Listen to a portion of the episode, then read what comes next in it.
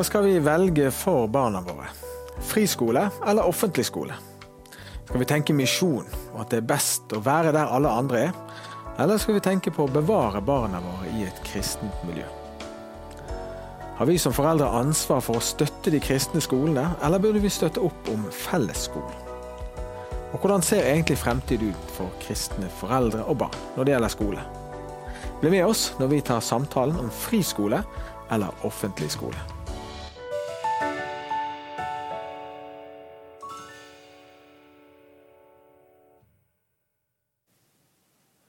Ja, jeg har fått med meg en finfin fin gjest i studio. Kristoffer Karlsen, velkommen til deg. Takk, takk. Du er lærer på Danielsen ungdomsskole i Bergen. Eh, det var ikke gitt at du skulle havne der. Eh, du kommer ikke fra en kristen familie. Kan ikke du fortelle din historie? Jo, jeg eh, kommer ikke fra en kristen familie. Jeg vokste opp i Loddefjord. Uten mye kristen påvirkning i livet. Hadde flotte kristne naboer som tok meg med på søndagsskole. Og jeg hadde en mormor som jeg vet ba for meg. Eh, lærte meg å be aftensbønn og sånn. Men ellers så var oppveksten min i Loddefjord preget av eh, fotball og håndball og, og eh, leking på gaten og ikke mye Jesus i det hele tatt. Så eh, hadde jeg noen møter med Jesus, og det tror jeg kanskje mange ungdommer kan ha. For min del så startet det nok litt på søndagsskolen. Men òg eh, i konfirmasjonstiden min så, eh, så, hadde jeg noen møter med Jesus. Jeg hadde en fantastisk konfirmasjonsleder i Loddefjord kirke. Som hadde vært misjonær i utlandet, i Thailand, og fortalt oss historier om en levende Gud. Og det husker jeg gjorde inntrykk på meg. Eh, og fra den tiden så kalte jeg nok meg en kristen. Men jeg visste ikke hva det egentlig innebar, og det preget ikke livet mitt noe særlig. Før jeg Uh, fant ut at jeg skulle satse på idrett, eh, og begynte på idrettslinjen på Danielsen videregående når jeg var 16 år gammel. Da begynte på en måte ballen å rulle. Eh, da var ikke det en kristen motivasjon som dro deg dit? Nei, på ingen måte. Var, mine foreldre var nok veldig glad for at jeg valgte en litt sånn skole med status, men for min del så var det bare det at der kunne jeg drive idrett. og bruke fire år på videregående istedenfor tre. Så det var det som dro meg dit, absolutt. Eh, det var det. Og de første årene jeg gikk der, så hadde jeg bare idrett i hodet.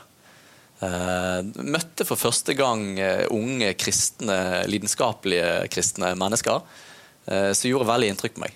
Men, men, samtidig så var jeg veldig godt liksom, forankret i håndballspilling og i en kjæreste som jeg hadde utenfor skolen. og Var ikke liksom på det Jesus-sporet.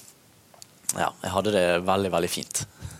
Disse kristne vennene, Eh, hvordan eksponerte de deg for troen? Nei, De første årene jeg gikk på skole, så tror jeg at jeg holdt meg litt sånn i utkanten. Da var jeg i, på en måte bare i idrettsmiljøet. Um, og så når jeg uh, nærmet meg russetiden, så opplevde jeg uh, en belastningsskader og sånn med håndball, og måtte etter hvert gi meg med det. Motivasjonen fikk seg en knekk. Pluss at jeg hadde en kjæreste som, uh, som jeg brøt opp med i den tiden, og mistet egentlig alt av venner og vennskap og, og miljø. Og Da var det noen av de kristne guttene på skolen som eh, nok var godt eh, trent opp hjemmefra til å se de som var litt utenfor. Eh, så da tok de seg av meg. Inviterte meg inn i gjengen deres og, og fortalte meg om Jesus. Tok meg med inn i livet deres. Alt de holdt på med av ungdomsmiljø og bibellesing og grupper. Og ja, rett inn i, i vennskap med de, da. Mm.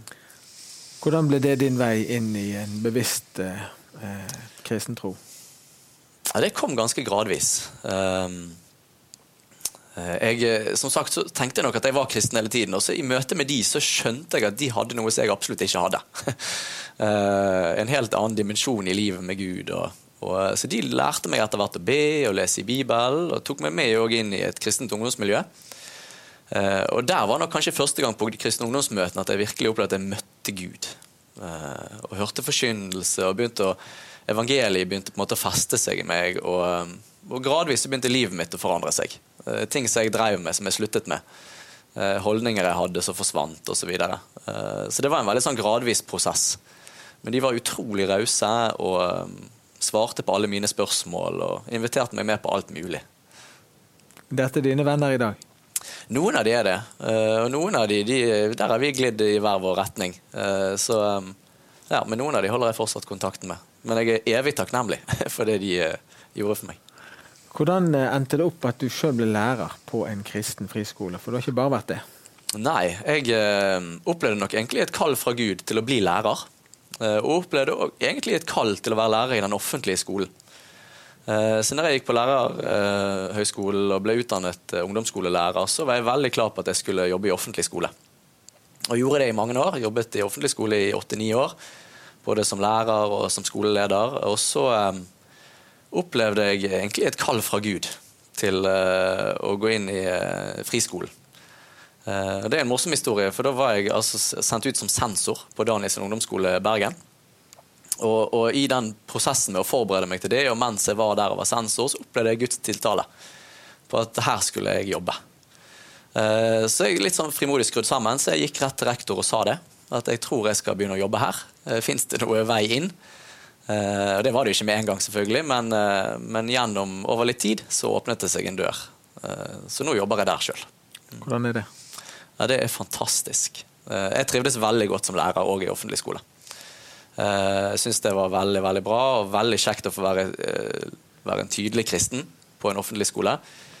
men så opplevde jeg nok i løpet av årene at det òg ble litt og litt smalere rom for å være frimodig. Eh, men når jeg begynte å jobbe på, eh, på Danielsen ungdomsskole i Bergen, så eh, kunne jeg endelig være hele meg sjøl på jobb. Og ikke legge bånd på noen sider av meg. Og få bruke alt det jeg har av, av utrustning og gaver og evner. Og det oppleves vanvittig meningsfullt. Mm. Opplever du at du får formidle noe, at du får bety noe, det du har inni deg, for elevene? Ja, uten tvil. Og Det opplevde jeg nok også når jeg jobbet uh, i den offentlige skolen, um, men enda mer nå. Uh, for nå er det jo forventet av meg at jeg deler evangeliet, og, og at jeg kobler alle fag som vi underviser, med tro. og får masse tilbakemeldinger fra elever på at det oppleves veldig godt for dem. Så jeg hadde elever som jeg sendte ut fra 10. klasse for noen år siden, som sa det på avslutningen vi hadde at andaktene som de hadde fått fra meg, det hadde vært med å prege troslivet deres. Det er kanskje den kjekkeste tilbakemeldingen du kan få. Eh, eller i hvert fall som jeg kan få. Mm. Når du skuer tilbake, du er jo ikke kommet så langt i livet, men likevel, hvis du skuer tilbake, hva tenker du om den reisen du har gått? Nei, Jeg tror at jeg har vært i Guds ledelse hele veien. Um, og at, uh, at, Gud kaller oss i forskjellige retninger. Uh, sånn at den tiden jeg hadde uh, og jobbet for Bergen kommune, var en veldig, veldig flott tid. Trivdes veldig godt. Og så, og så tenker jeg at jeg, eh, jeg, følger bare Jesus. Og når jeg opplever at han kaller i en annen retning, så er det, naturlig for meg å gå dit. Så det har vært en, en helt sånn naturlig reise, eh, rett og slett. Mm. Vi skal straks eh, få inn flere i samtalen vår, men før vi gjør det, så får du en sannhet fra Linda på Sanning samtalesenter.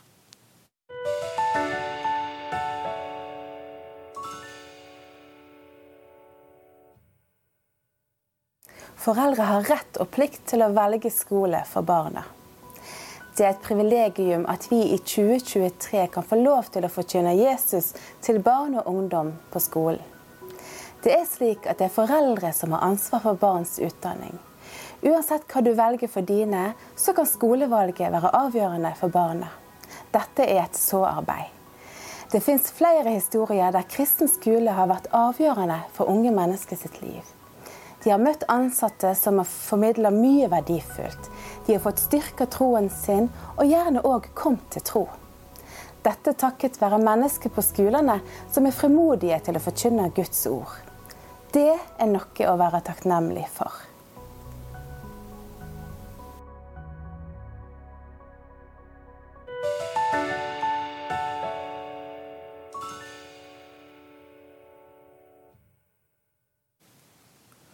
Ja, nå har vi fått med oss to stykker til i studio. Eh, Harald Voster, eh, du er rektor på Framnes videregående skole. Velkommen til deg. Takk. Karianne, du er fungerende rektor på Danielsen videregående skole i Bergen. Velkommen til deg. Takk skal du ha. Det var den skolen Kristoffer snakket om, der han fikk eh, kristne venner og han fikk et møte med Gud. Hva tenker du som dagens rektor om å høre hans historie? Ja, Det er veldig flott å høre. Og så vet vi at du er ikke den eneste. Og så vet vi at vi betyr mye for mange, både de tre årene vi har de hos oss, men ikke minst uh, i etterkant.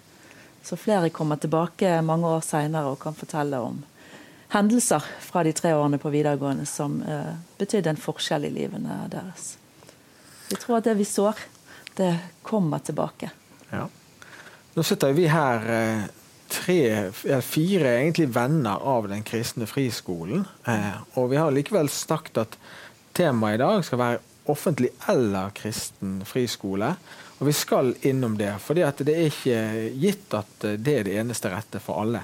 Men først det begrepet offentlig eh, skole. Det har du noen tanker om, Karianne? ja, eh, for vi er jo egentlig en offentlig skole vi òg, selv om vi er en friskole. Vi er åpne for alle elever. Vi har en offentlig finansiering. Vi er underlagt offentlige reguleringer og tilsyn. og Kanskje vi skal endre språkbruken vår, retorikken vår, til å snakke om kommunale og fylkeskommunale eller statlige skoler. Og friskoler. Og så er vi alle offentlige skoler. Veldig interessant poeng. Framnes det er en internatskole eh, i Hardanger. Eh, og eh, den har vært i nyhetene i det siste. For dere opplever en stille vekkelse blant elevene. Er det riktig å si, Harald? Ja, det tror jeg vi kan si. Eh, vi har ikke sånn at eh, vi har møter hvor mange overgir seg samtidig. Men i løpet av et år så kan det være 20, godt og vel enda mer, som eh, har kommet til tro og blitt kristne. Ja, Vi skal snakke om det som skjer i, eh, i elevgruppen deres eh, nå. Men først, bare fortell kort om Framnes, for det var i sin tid en folkehøyskole, stemmer det? Framnes var en folkehøyskole fra 1897. Og vi feira 125-årsjubileum i fjor. Og da hadde jeg en interessant samtale med hun som er kristenleder. Eh, hvor jeg sier at eh, i 1924 så hadde de vekkelse på Framnes. Da var det over 20 ungdommer som gutter på Vonheim som overga seg til Gud samme kveld. Og det har vi ikke nå, sier jeg med et lite sukk. Nei, men Harald, sier hun, vet du at uh, dette skoleåret så er det over 20 elever som er blitt kristne? Og det setter ting i litt perspektiv for meg. Fordi at uh, Hvorfor tenker vi vekkelse bare når alle kommer samtidig? Det er noe når en kommer én og én, og det blir en forskjell for elevene. Hva tenker du som rektor om å få være med på dette? Ja, det er selve meningen med livet. Det er ingenting som er eh, bedre enn å, kunne stå i en sammenheng hvor at uh, Guds ord blir levende for unge hjerter. Eller kanskje omvendt. Hjertene blir levende for Gud. Eh, og en ser en ny framtid. Et helt nytt perspektiv på livet. Ja, det er fantastisk. Fortell om det som nå skjer i elevgruppen. For dette er ikke bare noe som dere som skole styrer. Her er mye initiativ fra elevene sjøl. Hvordan ser dette ut i praksis? Ja, i praksis Altså, hvis vi går en del år tilbake, så tror jeg vi må si at eh, vi fikk en bedre struktur på det kristne arbeidet vårt. Og eh, vi fikk eh, regelmessige møter kveld, og onsdag kveld og søndag kveld. og Regelmessig med forkynnelse. Og så vokste det fram etter hvert et ønske blant elevene. Et behov for å samles til bønn eh, om morgenen før skolen begynte. Og det er noe som har vokst i antall fra å være en håndfull til nå møter jeg 60 stykk til bønn for skolen og for hverandre. Um, og Samtidig så har jo deltakelsen på møtene på kveldstid òg økt på samme måten. Så at der kan jeg møte opp mot 100-150 ganske jevnt på møtene. Og så er det jo sånn at uh, dette er Bønnemøtene spesielt er jo et elevinitiativ. Og vi har hatt, eh, lagt til rette litt for at vi kan ha bønnerom på internat og sånt. Og så er det gjerne spesielt på skolen og før, før uh, skolen begynner, at vi merker at elevene samles. Eh, og så tenker jeg at dette er noe som på en måte vokser blant elevene, og som elevene eier og kjenner behov for og har nød for. Um, og sånn må det få lov å være, tenker jeg. At det, dette er deres. Og at det ikke vi går inn og styrer og sånn. Ja. Så rektor er ikke alltid på plattformen når det er bønnemøte? Nei, rektor er sjelden på plattformen. Det er mange andre gode som er på plattformen. Ja. Eh, hos oss har vi litt sånn fokus på at vi er skole og ikke menighet. Hvordan blir det hos dere? For dere har det jo hele døgnet hos dere. Ja. Nei, Vi har en ganske stor bevissthet om at elevene kommer fra mange ulike sammenhenger. Eh, og det skal de få lov til, og få lov å kjenne tilhørighet der som de er. Og så er vi gjerne mer som et bedehus. Eh, med litt sånn eh, ulike forkynnere og ulike perspektiv. Eh, og så er det ting som er vanskelig, så må de ønske å ta opp. Så får de ta det opp med sin forsamling og sin menighet, tenker jeg. Eh, vi står planta der vi er, men eh, har samtidig respekt for den ulike bakgrunnen som vi samler elever, fra. Mm. Eh, på Danielsen, Karianne, så eh, eh, jeg kjenner meg litt igjen i det som Kristoffer sier, at man er veldig opptatt av at det er skole, og mm. man er veldig under oppsyn fra både media og storsamfunnet. Eh, hva rom har dere for å legge til rette for et åndelig liv eh, mm. blant elevene på skolen? Vi er jo godkjent som et kristent eh, alternativ, og vi må synliggjøre at vi er et alternativ. Så det ligger i godkjenningen vår at vi skal være tydelige. Eh, og så er vi skole, først og fremst. Så elevene hos oss har òg tatt initiativ til daglige bønnemøter. Så de samles i første friminutt. Da er det stappfullt i bønnerommet eller kapellet vårt. Og så har vi en gang i uken samles elevene på på, på elevinitiativ, men de har skoleprest med seg på Bible and Breakfast fra halv åtte til halv ni om morgenen. Eh, så da er det eh, rundt 40 elever og noen ansatte som òg alltid er til stede der. Og så har laget møter annenhver uke. Ja. Så, men det er i elevene sin fritid, disse aktivitetene. Kristoffer, på, på ungdomsskolen så vet jeg at, eh, og det er ikke mindre grad på videregående, men man trekker jo til seg alle typer eh, elever. Eh, folk med en annen tro. Eh, folk som er opptatt av at ikke de tror på noe. Eh, hvordan praktiseres dette for dere for å sørge for at alle trives og er velkommen på skolen? Ja, Det er en stor glede egentlig med å ha en sånn skole som vi har. At vi har det mangfoldet. Eh, og det er vi veldig veldig bevisst på og snakker mye om, vi som jobber på skolen. Eh, sånn at Her skal vi ha en respektfull trosformidling, og folk skal få lov å mene det de vil. Så Det er egentlig kjempeviktig for oss. Eh, vi har egentlig landet ned på det at eh, elever liker gjerne å diskutere. sant? Og har gjerne lyst til å ta læreren sin foran hele klassen og diskutere vanskelige ting. Eh, da har vi landet ned på at vi har et stort kall til å elske disse ungdommene. Og at det egentlig er viktigere Vi vil heller tape en diskusjon og vinne en relasjon enn vi vil vinne en diskusjon og tape en relasjon. Sånn at det er veldig oppe i bevisstheten vår, de situasjonene der. Mm. Hva er tilbakemeldinger får dere fra foreldre eh, på den kristne utøvelsen i skolen? Eh, er det protester, eller føler de seg ivaretatt? Nei, jeg tror alle som søker til vår skole, vet hva skole de søker til. Eh, vi, vi, måte, vi er helt transparent. De vet at vi har andakter hver dag på skolen, og de vet at vi ber om morgenen. og vi sier velsignelsen når vi går hjem. Og I alle fag så preger det undervisningen vår at vi tror på Gud. Eh, så det vet nok alle. Så vi opplever veldig lite tilbakemeldinger på det. Eh, vi opplever veldig mange positive tilbakemeldinger. Og eh, fra elever og foreldre som har en helt annen tro enn vår. Og sier at her opplever vi respekt, her opplever vi å bli møtt, her opplever vi å få lov å tro på det vi vil tro på. Her er ikke noe press. Eh, så det er egentlig mye gode historier på de tingene der. Dere har alle litt forskjellig inngang inn i dette å jobbe på kristen friskole. Eh, Harald, eh, fortell om den barneskolen du gikk på. Ja, jeg gikk på en offentlig barneskole i min heimkommune, Strand i Ryfylke.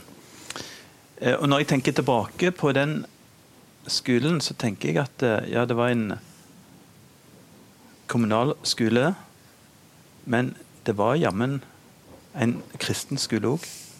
Vi begynte hver dag med å be Fader vår. Vi slutta hver dag med å synge enten en salme så lenge jeg gikk i småtrinnet.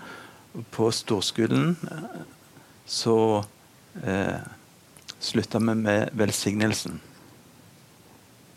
Og jeg tenkte aldri at eh, annet enn at alle lærerne her er kristne. Så det var først når jeg kom i ungdomsskolen at jeg markerte, eh, forsto at det her er litt større sprik i personalet. Og så har du gått reisen med både Tryggheim eh, skole og andre kristne skoler på din vei der du er i dag. Det har jeg. Jeg vært på jeg begynte i offentlig skole, så var jeg innom på Kvitsund gymnas. På Tryggheim har jeg vært tre år. Og så har jeg vært på Knarvik videregående. Og så enda jeg opp i Framnes. Hvordan var det å undervise på Knarvik videregående, en, eh, en offentlig skole, unnskyld uttrykket, Karianne, eh, en fylkeskommunal skole? Ja, det var fantastisk. Jeg hadde noen elever som eh, kunne toppe en kristen friskole. Det var veldig, veldig kjekt.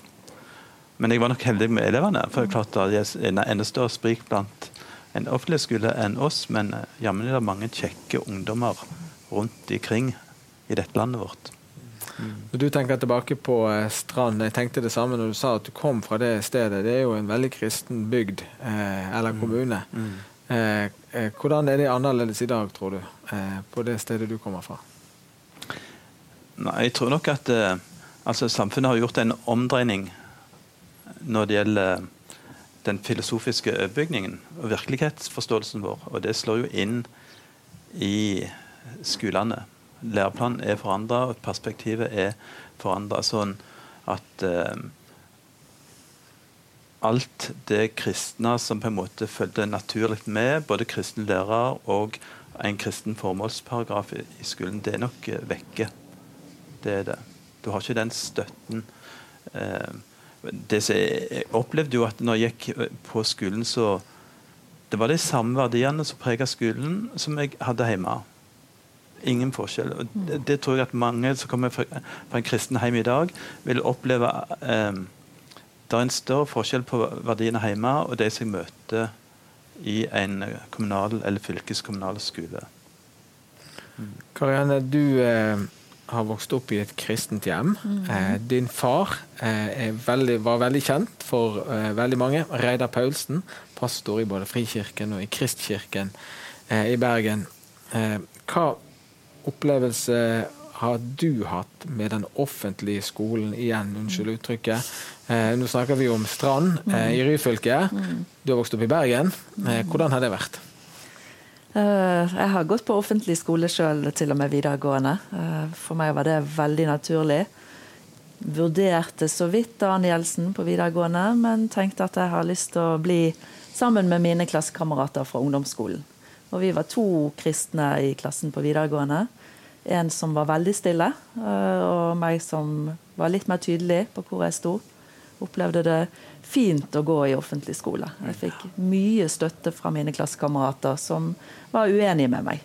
Men relasjonen var viktigere enn diskusjon.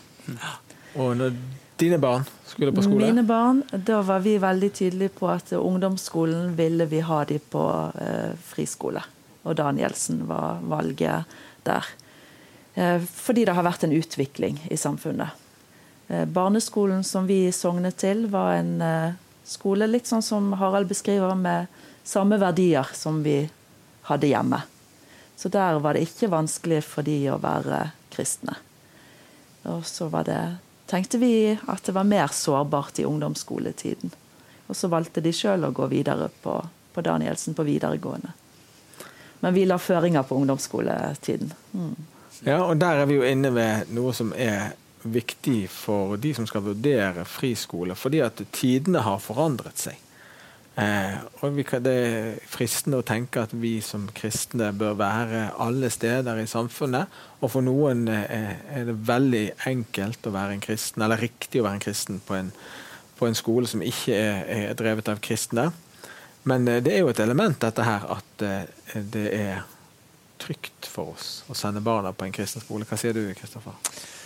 Ja, altså jeg, tror, eh, jeg, tror, det er viktig å ta barna med i samtalen om det her. Um, og be sammen med de, og prate sammen med de hvis de kommer fra kristne hjem.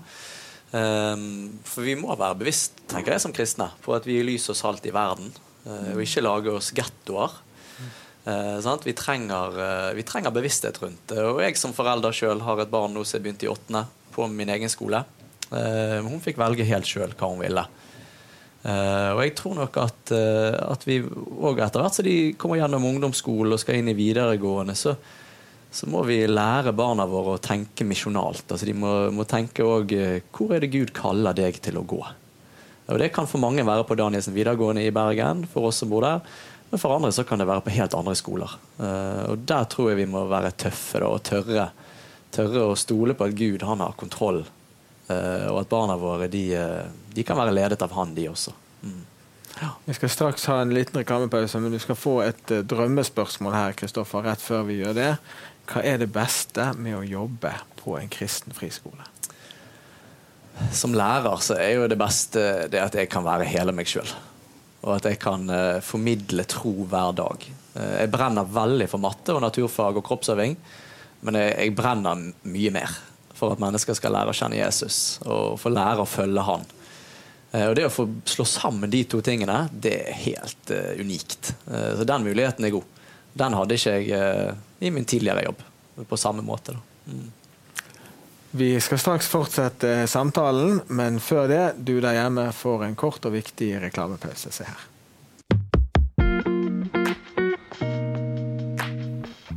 Takk for at du ser på programmet vårt.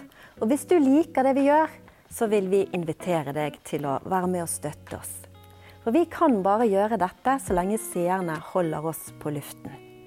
Så send gjerne din gave på VIPS 76 38 05. Så er du med på og hjelper oss til å gjøre disse programmene, men òg å skape nye. Så takk for din støtte på VIPS 76 38 05. Gud velsigne deg.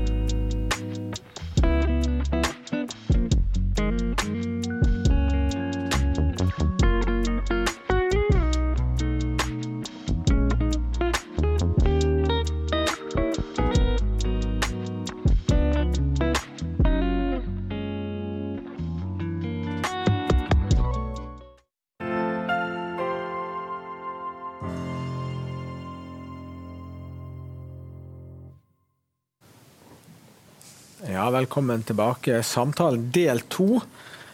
Vi har snakket om hvor flott det er å gå på friskole og være lærer på friskole. Men Karianne, er ikke det et problem også for samfunnet, som trenger oss som lys og salt i verden, hvis vi samler oss både elever og lærere som er kristne, på ett sted, og så lar vi liksom resten av samfunnet seile sin egen sjø? Mm.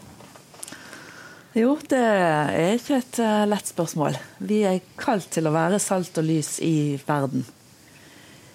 Og så tror jeg vi må få lov å vurdere det på individnivå. Om vi har det best i uh, en friskole eller i nærskolen, den kommunale skolen.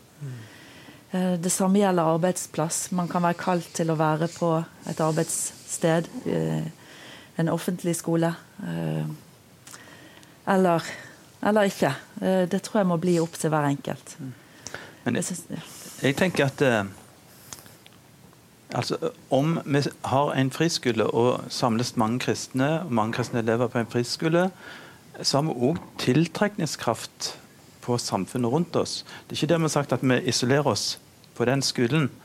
Eh, og jeg tror at mange elever kan si at eh, ved å begynne på en kristen friskole så er hverdagen deres blitt mye bedre. Eh, de har fått mer hjelp, og de har fått bedre venner. Jeg sier ikke at eh, all offentlig skole er, er da eller alle kommunale skoler er eh, ikke så gode.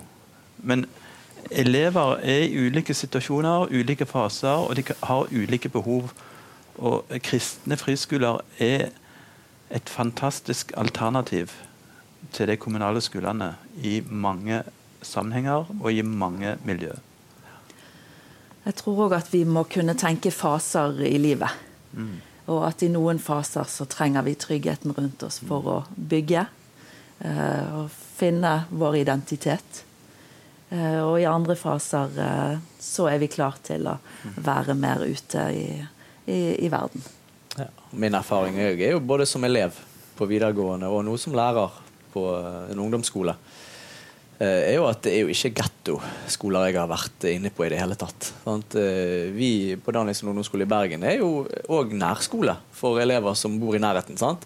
De søker til oss. Så Vi har masse ungdommer som kommer fra ikke-kristne familier, som ønsker å gå på vår skole. For det er kort skolevei, eller godt rykte på skolen, eller andre ting. Så det, det i hvert fall Når jeg står med begge beina i det, så føles det veldig lite som en getto. Uh, og det overrasket meg når jeg egentlig gikk fra offentlig skole til uh, en kristen friskole, at det jeg drev med sånn til dagen i arbeid som lærer, det var ganske likt. Det var ikke så stor forskjell. Uh, og det er samme elevgruppen jeg møter stort sett òg. Så ja, jeg tror det, det bildet som kan skapes i media og blant politikere kanskje som er litt imot, av en sånn gettokultur, den, eh, den har jeg aldri sett. Ennå, iallfall. Ja, vi skal snakke litt om politikken òg eh, litt senere. Men uh, Harald, hvordan er det i Nordheimsund, eller i området der? For dere er jo en nokså stor kristen skole ja. på et lite sted. Hvordan er forholdet til kommunen og til den offentlige videregående skolen?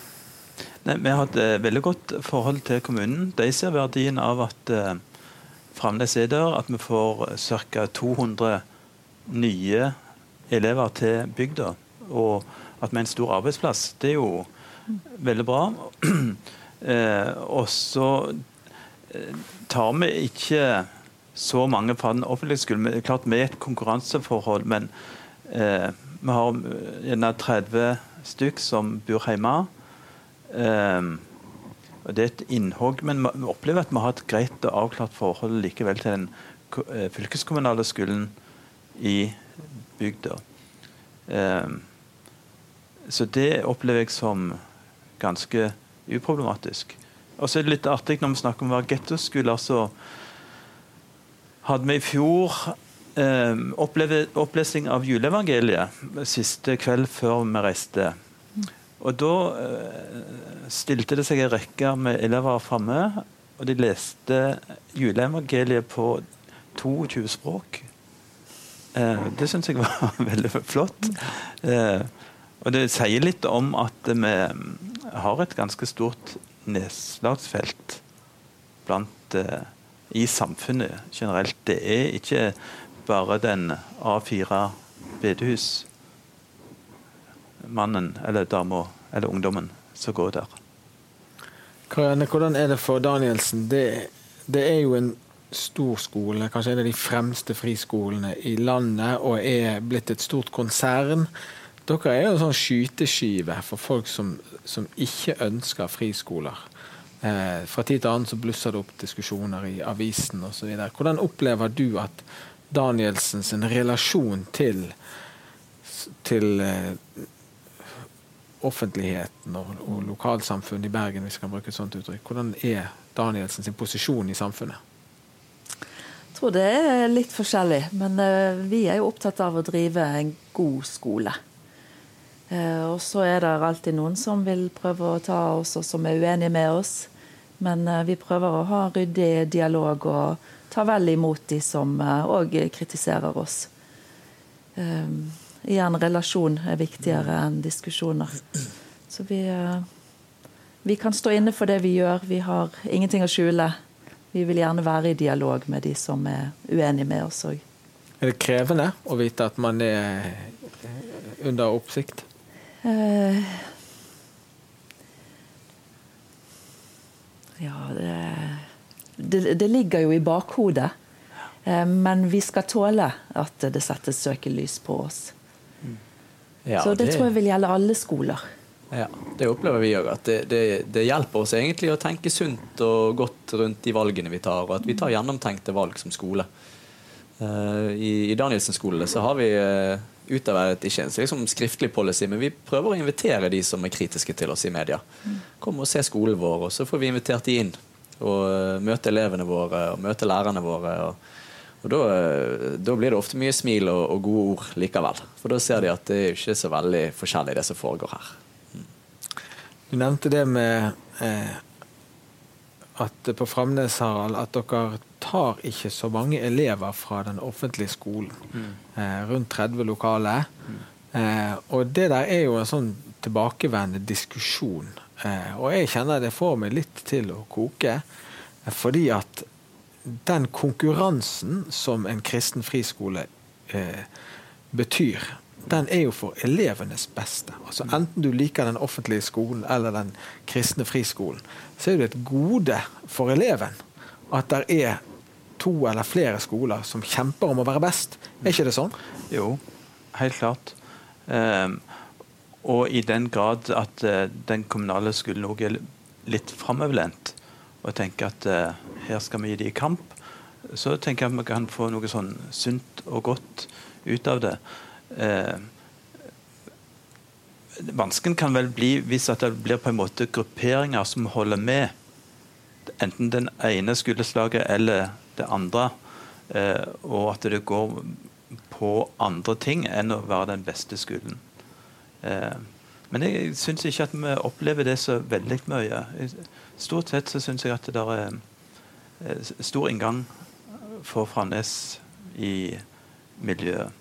Og Jeg syns òg at de offentlige tilsyn som vi har hatt, de var konstruktive og ryddige og greie. Selv om at vi ikke alltid er helt enige med alt, men jeg eh, opplever ikke at noen har vært ute for å ta oss. Nei. Vi er så vidt inne på politikken her i sted. Karianne, eh, i år så kom det et veldig radikalt forslag fra regjeringen. Eh, og vi som har vært opptatt av friskolesaken, og det tror jeg nesten alle kristne i dette landet er på et eller annet nivå, vi har jo levd i denne politiske tautrekkingen i alle år. Mm. Men det som kom nå fra regjeringen, eh, med en gradvis reduksjon i, press, i, i, i skolestøtten eh, til kristne friskoler, og som senere ble trukket hvor radikalt var det forslaget, egentlig, sånn som du ser det som skoleleder? Ja, Det var jo et forslag som, som rammet én til ti-skolene. Altså de som er barne- og ungdomsskole. Så i Danielsen-systemet så var det eh, skolen på Sotra som ville blitt rammet av det. Eh, det ville vært dramatisk for mange av skolene i eh, den kategorien. Og nå er det jo fint at eh, de fikk øynene opp for at det ville ha konsekvenser som de kanskje ikke så i forkant. Ja, Hvordan eh, ser du på, på det politiske bildet eh, og fremtiden? Jeg synes å se for min del at Senterpartiet det er en sånn symbol på utviklingen i, i friskoledebatten. For de var alltid på friskolenes side. Mm. Og nå ser vi stadig oftere at mm. Senterpartiet havner sammen med venstresidepartiene. Det ser ofte litt mer fargerikt ut rundt omkring i kommunene. Men hva tenker du om fremtiden for uh, friskolen? Nei, eh, det jeg syns jeg ser, er at det er lite prinsipiell tenkning blant politikere. De uh, styrer etter følelser og hvilke skoler de liker og ikke liker. Så når det gikk opp for de at uh, budsjettforslaget òg ville ramme Steinar skole og Montessori-skoler, så så vi en dreining hos flere. Så det prinsipielle med at det er foreldrenes rett til å velge som er viktig, den ser vi lite av. Så vi kan nok regne med tøffere tider framover. Eh, hvis prinsippene viker, ja, så blir det vanskelig. Det har alltid vært et, et sånn nokså bredt friskoleforlik, både i konkret forstand, men også litt sånn, sånn samforståelse i politikken om at det skal være et rom for kristne friskoler. Eh, men eh, de skal ikke ha 100% støtte, og de skal kanskje ha undervisningen sin ute. Vi skal i hvert fall ikke ha noe støtte til bygningsmassen deres. Mm. Men Harald, hvordan ser du på det, politiske, det politiske presset mot skolene nå versus for 20 år siden, kanskje?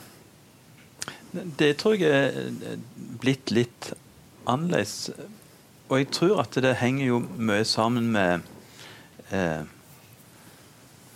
at eh, på en eller annen måte da, så er jo samfunnet sin overbygning forskjellige fra uh, 20-30-40 år siden. Altså, tidligere så var det jo en kristen overbygning, mer eller mindre. Den er helt vekke, og de rammene fins ikke lenger. Så dette her at ja, det er jo litt sånn så i, Hvis vi leser Det gamle testamentet, så kom det etter hvert noen konger som ikke kjente Josef. Eh, I forbindelse med Israel var i Egypt. Og det, det, Hvis Jesus blir vekke fra samfunnet, og kristenfolket på en måte ikke er kjent i samfunnet, så tror jeg at det er noe som spiller sammen. Og hvorfor skal en støtte eh, kristne, på en måte, da? Sant? Men samtidig så er jeg enig med det som du sier, at uh, det er jo den prinsipielle tenkningen som gjerne mangler. At foreldre har rett til å velge skole for sine barn. Ja. Og snakker vi om demokrati og hva som skal til for å være et sunt demokrati, der òg mindretallet skal ha mulighet til å velge eh, det som mindretallet ønsker. Så hvis det blir et flertallsdiktatur mm. uten muligheter for å være en minoritet, et mindretall, så får vi ikke et like godt demokrati som, som det vi ellers ville hatt. Mm. Så det blir fattigere. Kristoffer, mm. du nevnte litt på dette med å eh, med Når du får eh, folk inn på skolen som faktisk får se hva dere holder på med, så får de kanskje et annet inntrykk. Hvordan er det der å stå og undervise, og du gjør ditt beste, og du prøver å respektere alle? Og så opplever du at det dere holder på med, blir fortegnet i media og karikert. Og, ja. Det er litt sånn tosidig. Eh, for jeg opplever nok at, at de vi jobber mot, eh, foreldre og elever, de er veldig fornøyde. Og det er det viktigste for oss. Og de, de, skjønner hva vi holder på med, og hva vi gjør på jobben vår. Så det å bli litt sånn uh, feilforstått da, av politikere, og gjerne i media, det, det er kanskje bare en del av bildet. Eh, tenker litt at vi lever i et samfunn som beveger seg lenger og lenger vekk fra en kristen sannhet et kristent verdensbilde. Eh, og det er nok en del av den utviklingen som kommer der. Vi, vi trenger nok dyptgripende vekkelser eh, hvis vi skal se store endringer når det gjelder liksom synet på friskolene i Norge. Ja. Ja, Sånn lærte du ikke å snakke hjemme i Loddefjord, Kristoffer? Nei, på ingen måte. Du er jo sjøl et produkt av, eh, av, den kristne friskolen, og din reise hørte vi i sted. Eh, hva, hva taper vi som samfunn hvis eh, disse skolene begynner å forsvinne? Vi taper jo først og fremst valgmuligheten. At vi som foreldre kan velge, og våre barn kan få velge. Eh, men så taper vi jo virkelig eh, gode skoler. Som, som lærer barn å tenke nestekjærlighet, og lærer de å tenke samfunnsansvar og demokrati og alle disse fine ordene som politikerne vil vi skal undervise. Og Der tror jeg at vi som kristen skole gjør en kjempegod jobb med å løfte fram eh, de tingene som bygger samfunnet vårt. Mm. Vi snakket litt på bakrommet Karianne, om disse her vanskelige valgene som vi må ta eh, som foreldre. Skal vi velge kristen friskole, eller skal vi eh, velge eh, det offentlige? Eh, og at eh, det selvfølgelig er et individuelt valg. Og i, i, vår familie så har det stort sett handlet om kristen friskole, men vi har liksom noen ganger måttet gjøre unntak av hensyn til barnets beste. Eh, Hvilket ansvar skal vi føle på, vi som vil at det gjerne skal være kristne skoler? Så kommer vi opp i disse her individuelle eh, vurderingene. Har vi et ansvar? Jeg tror vi har lett for å tenke at uh, jeg kan velge offentlig skole for mine barn hvis jeg syns det er best. Og så, hvis det plutselig ikke er så greit likevel, så forventer vi jo at det står klar et alternativ for oss. Um, men det gjør jo ikke nødvendigvis det hvis man aldri støtter opp om, den, eh, om friskolen. Mm. Så jeg vil jo oppfordre folk til i hvert fall ha tenkt igjennom eh, om man bør vurdere friskole. Iallfall hvis du har verdier som sammenfaller med friskolen, altså enten du er personlig kristen sjøl eller ikke, så er det for ungene en stor fordel å oppleve samsvar mellom verdier hjemme og på skolen. Mye bedre muligheter for læring. Eh, så er jeg enig i at eh, altså ansvaret for iallfall eleven sin kristendomsopplæring, er nok heimen sin. Og skolen kan være en god støtte. Mm. Eh, og så må vi vurdere litt sammen med eleven eh, hva er best for deg. Jeg må jo bekjenne at eh, den eldste gutten vår valgte å gå i eh, kommunal ungdomsskole det siste året. Eh, det fikk han lov til, men det var litt tungt for fars hjerte å si ja til det. da. Jeg tenkte at han gikk glipp av noe. Men eh, han har nå funnet seg godt til rette, og sånt, så da får vi respektere det. Kristoffer, eh, tilbake igjen til eh, din, eh, din eh, situasjon. Du er fortsatt en ung mann. tenker, du, tenker, du, at du Eh, har en jobb å gå til i den kristne friskolen, til du er langt der fremme går av med pensjon? Ja, det tenker jeg av og til på. Det, det har ikke jeg et godt svar på. Eh, men jeg, jeg, jeg, kjente det som en liten utfordring å gå et steg i tro med å begynne å jobbe i en kristen friskole, for det kan være at de jobbene forsvinner. Sånn at For min del var det veldig godt at jeg kjente et kall til det. Da vet jeg at Gud er med. Og så er det han som forsørger og hjelper. Men, eh, men, det var en del av regnestykket når jeg gikk ut av, eh, ut av det offentlige systemet. Så det, ja, det, kan være en pris man eh, etter hvert må tenke at man betaler. Mm.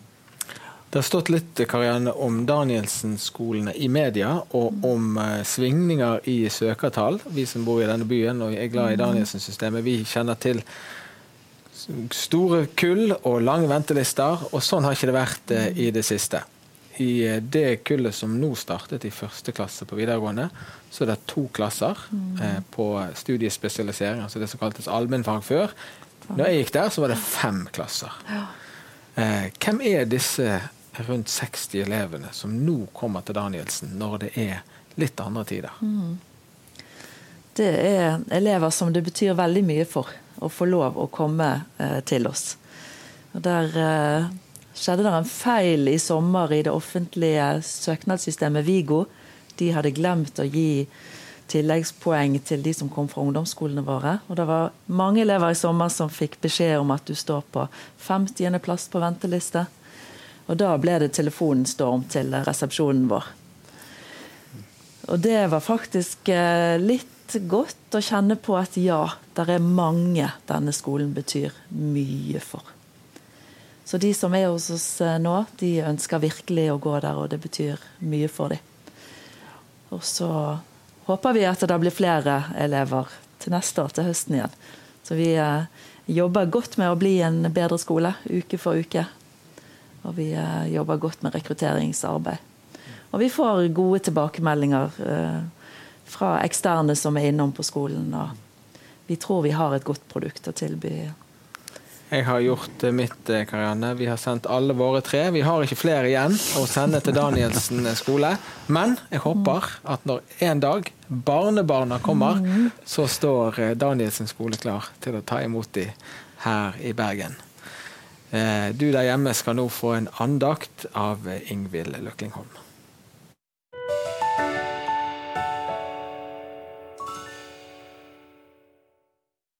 Vi lever i et samfunn som er krevende for den som vil leve sitt liv etter de bibelske sannheter og verdier.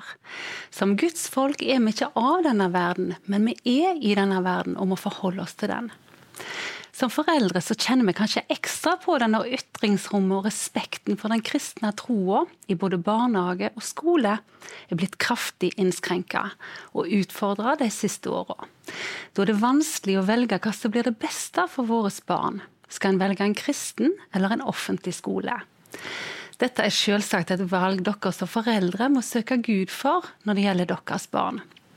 Men jeg kjenner likevel jeg har lyst til å minne om de ordene som Jesus sa i bergpreken i Matteus 5. Da sier han at vi er jordens lys og jordens salt. Og jeg syns at hverdagsbibelen forklarer det så godt. Hør her. Dere skal virke som salt på jorda, som bevarer verden fra forråtnelse. Men hvis saltet mister sin kraft, hvordan skal det da bli salt igjen? Da duger det bare til å bli kasta på bakken og bli tråkka på av menneskene.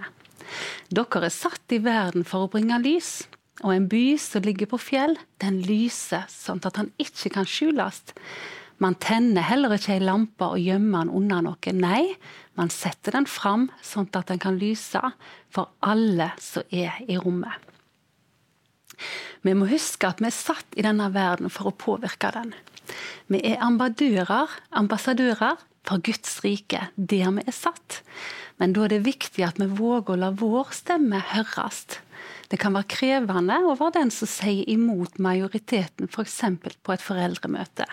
Å løfte fram de kristne verdiene, eller sette spørsmål med en del av det ungene våre lærer på skolen i dag. Men jeg tror at vi vil oppdage at flere er enige med oss, og vi er de som våger å sette lys på det.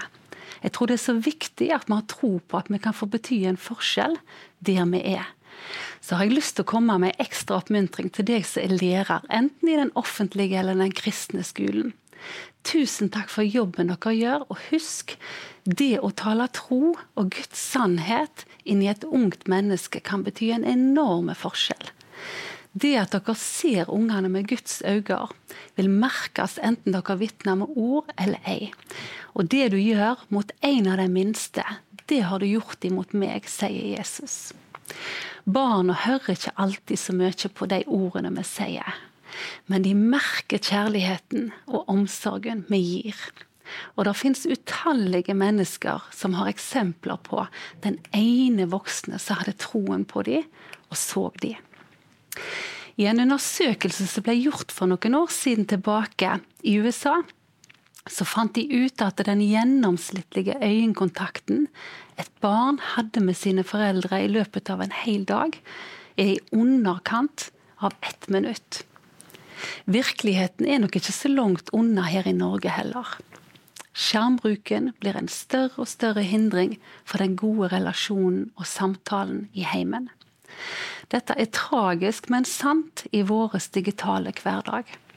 Så tenk den verdien det er for et barn om du som voksen møter blikket deres, ser, og dette gjelder både på skolen og i heimen. Som kristne familier så kan vi få være ei trygg havn. Ikke bare for våre egne barn, men for klassekamerater og venner av våre barn. Og kanskje er det gjennom vårt hjem at noen skal få bli kjent med Jesus. Så vil jeg helt til slutt slå et slag for bønn. Undervurder aldri kraften det er i bønn. Be for klassen til barnet ditt. Be for de andre foreldrene, og be spesielt for lærerne.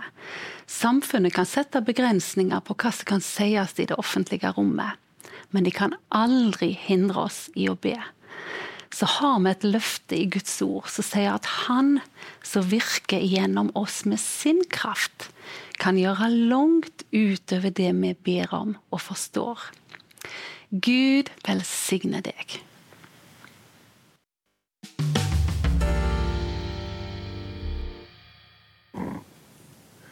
Ja, det var eh, Ingvild Løklingholm. Tusen takk til deg, og tusen takk til våre fine gjester. Karianne, Harald og Kristoffer. Syns vi fikk en god og viktig samtale om friskolen. Eh, og så håper jeg du der hjemme eh, kan få noen interessante samtaler på bakgrunn av det vi har snakket om. Hva er riktig for dine barn og dine barnebarn? Hva er riktig i din bygd eller i din by? Eh, og hvordan kan vi som kristne ta ansvar for at det finnes et kristent friskoletilbud eh, for våre barn? I, eh, på det stedet vi bor. Internatskoler er fantastisk. Kristne byskoler er fantastisk. Og vi har flotte barneskoler også som vokser frem med et kristent innhold. Så det er et stort privilegium som vi både skal kjempe for og være takknemlige for, eh, og ikke ta for gitt, eh, men være opptatt av. Så jeg håper du har fått noe å tenke på gjennom denne samtalen. Og så eh, er vi jo så takknemlige for å få bo i dette landet og få lov til å fortelle om Jesus til barna våre, både hjemme og i offentlige sammenhenger. Og friskolen er en sånn anledning, så jeg håper du kjenner deg privilegert Håper dette har vært en god samtale for deg, og så ønsker jeg deg Guds velsignelse der du er, og en fortsatt fin kveld. Takk for i dag.